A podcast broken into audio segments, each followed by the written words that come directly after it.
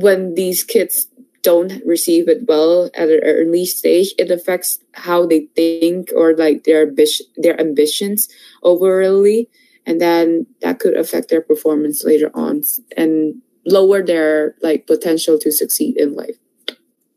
I see. I see.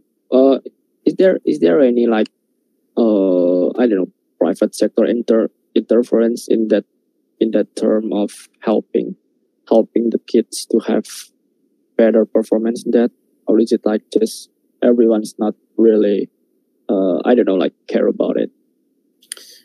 For the early childhood educations i don't have i haven't really seen much like for private business for like private businesses, I haven't really seen much focus on it. Most of the times when they do provide like sponsorships and all of that, they, it's mostly on high school level or middle school level.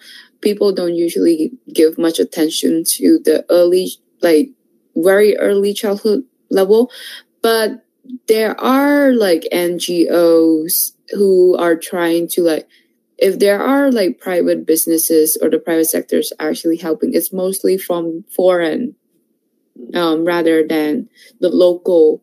Instead, they would just give financial aid to that particular like NGO, and then the NGO would just try to like give like these kids, you know, access to educations or like English class at an early age, and that actually help. Um, there's this thing called the I think Cambodian Children's Fund, um, in which like they have it's a nonprofit charity organizations, and these kids um, who go to the school that are in that organizations, they get access to like good quality education, English and stuff at an early age, and the organization is funded by like um, private individuals, both locally and abroad.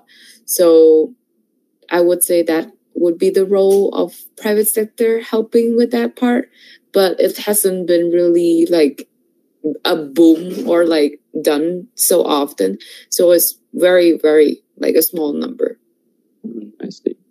But at least there are people trying to solve the problem. Yeah. Okay. Uh, next one about is like what do you think about the how will the education affects the environment and its people? Like the educations how, how will the education affecting the people and the environment? Because you know like the way you say uh it's it's kind of have something with the social mobility. Like is that is that the only is that the only thing that will be affected by quality education, or is there anything else that will be affected? Um, oh, quality education affects a lot of things. Uh, because like it's the knowledge in your head. So when it comes to the knowledge in your head, it not only helps you yourself with social mobility, perhaps going um like earning more money and all of those stuff, but it also affects the society as a whole and the people around you because if you receive good quality educations perhaps you can help those who did not receive it. And it's like a ripple effect. When one gets something it has like effects to the other stuff too. When you have good quality educations you're also better like um, decision making in terms of like certain pro- like perhaps you can create like a certain projects that help fight climate change and all of that. It also help on the environmental as environment aspect like the green aspect. It also help with the building the economy of a country aspect. So i feel like so quality education helps a lot. It links with everything. That's why it's part of like SD the sustainable development goal and the UN is really trying to push for it because they know that if a lot of everyone's every humans get good access to education, there could be a lot of changes, like good changes in the world. Not only like people are living in less poverty, but there could be more like the problems that we are facing now could have been addressed much better because there are people who have access to quality educations. Like you and I, we both received some way of a good system in terms of like the educations. That's why we are here. We are able to conduct this and to share these sessions to other people. So it's a, it's like it connects to everything. Right. Yes. So yeah, it's it's not only about ourselves, but it's but it it it connects and it links with everyone else. Uh, thank you very much. So we we're gonna go to the last part of the questions. It's about the SDG four implementations or the importance. So the first one will be let's try uh, uh, how do I say it? It's like imagining things. So let's imagine that Miss D is uh, have a seat in the country's government. Uh, how would you use it to further the to further SDGs four?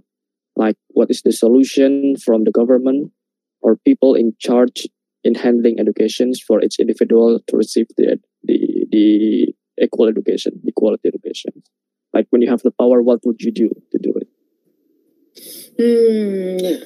Oh, there's a lot of ways you can try to do this, but for my like, if I were to suggest something that could be effective and efficient, is related to what I previously mentioned, is to focus since the beginning level of the education, which is the K 12, the primary educations, is to ensure that these kids have good like they were enjoying their time studying at a younger age. And if they love learning at a younger age it's could it could help them further on in life. Because right now there's not that much like highlights on the importance of like early childhood education. Because the only thing the government actually mostly think of is how do they improve the stem in the high school level. Or maybe if they think of the early childhood educations they think of like how do you get kids to come into school? But not really much on how do you deliver the content to these kids and embed it in their head? It's just like you give access to everyone. You give the key to everyone but some people need a push to that key so it comes to play with the equality and equity part.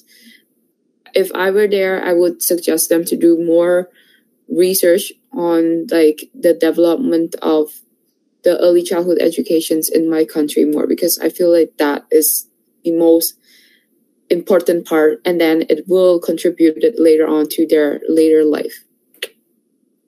I see, I see. So you're gonna basically you're saying you're gonna you're gonna focus on the on the early early age of the of the kids' education. Okay. Uh, the next one is how how do you think like the do I say this like um, so in the in the UN SDGs four we have they have saying like ensure inclusive and equitable quality education and promote lifelong learning opportunities for all.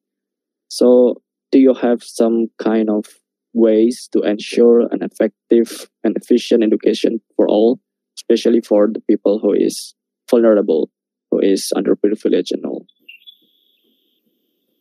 Mm. Ensuring an inclusive educational access for all is a huge thing. And what I can say for now is that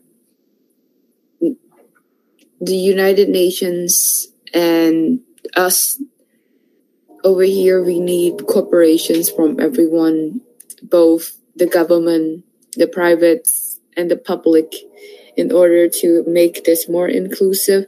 Because it's not just a task that the government can only do, it's also a task for us individual could also contribute it in our own way to help with this problem because it's a like cross cultural and it's universal problem that is shared. So ah, it's very broad. yeah, yeah. It's it's it's pretty much like the big questions, one of the big questions that we should answer together, right? So uh, maybe uh, it's gonna be the last questions from us. Uh, do you have any saying for the youth in order to raise the awareness of the education's importance? Um, if there's someone who's like watching this right now and you're probably having some issue with your study, or maybe you're seeing someone you know um, who is having issue with their like studying right now, if you're a student yourself too, try to encourage them to continue their study at least to the college level or perhaps to finish a high school degree because that is very important in today's world that we live in. And even if it's like it is hard always um, don't try just to study alone or be by yourself because learning it's not just about having information thrown inside your head but it's also about enjoying the progress of learning these informations. So if you have or you know someone who's struggling with this you can try to be with them or just um, having like each other company as study sessions and all of that to make it more enjoyable because education is really important. It got me far as where I am right now. And it got a lot of amazing people out there, perhaps like people who even like produces our gadgets that we're using. And for you to watch this right now, have already received like good educations for them to reach this much and make changes to the world. So if you could continue to persuade it, help those around you because who knows what kind of changes, like good changes that could come from all of this. That would be my ending quote.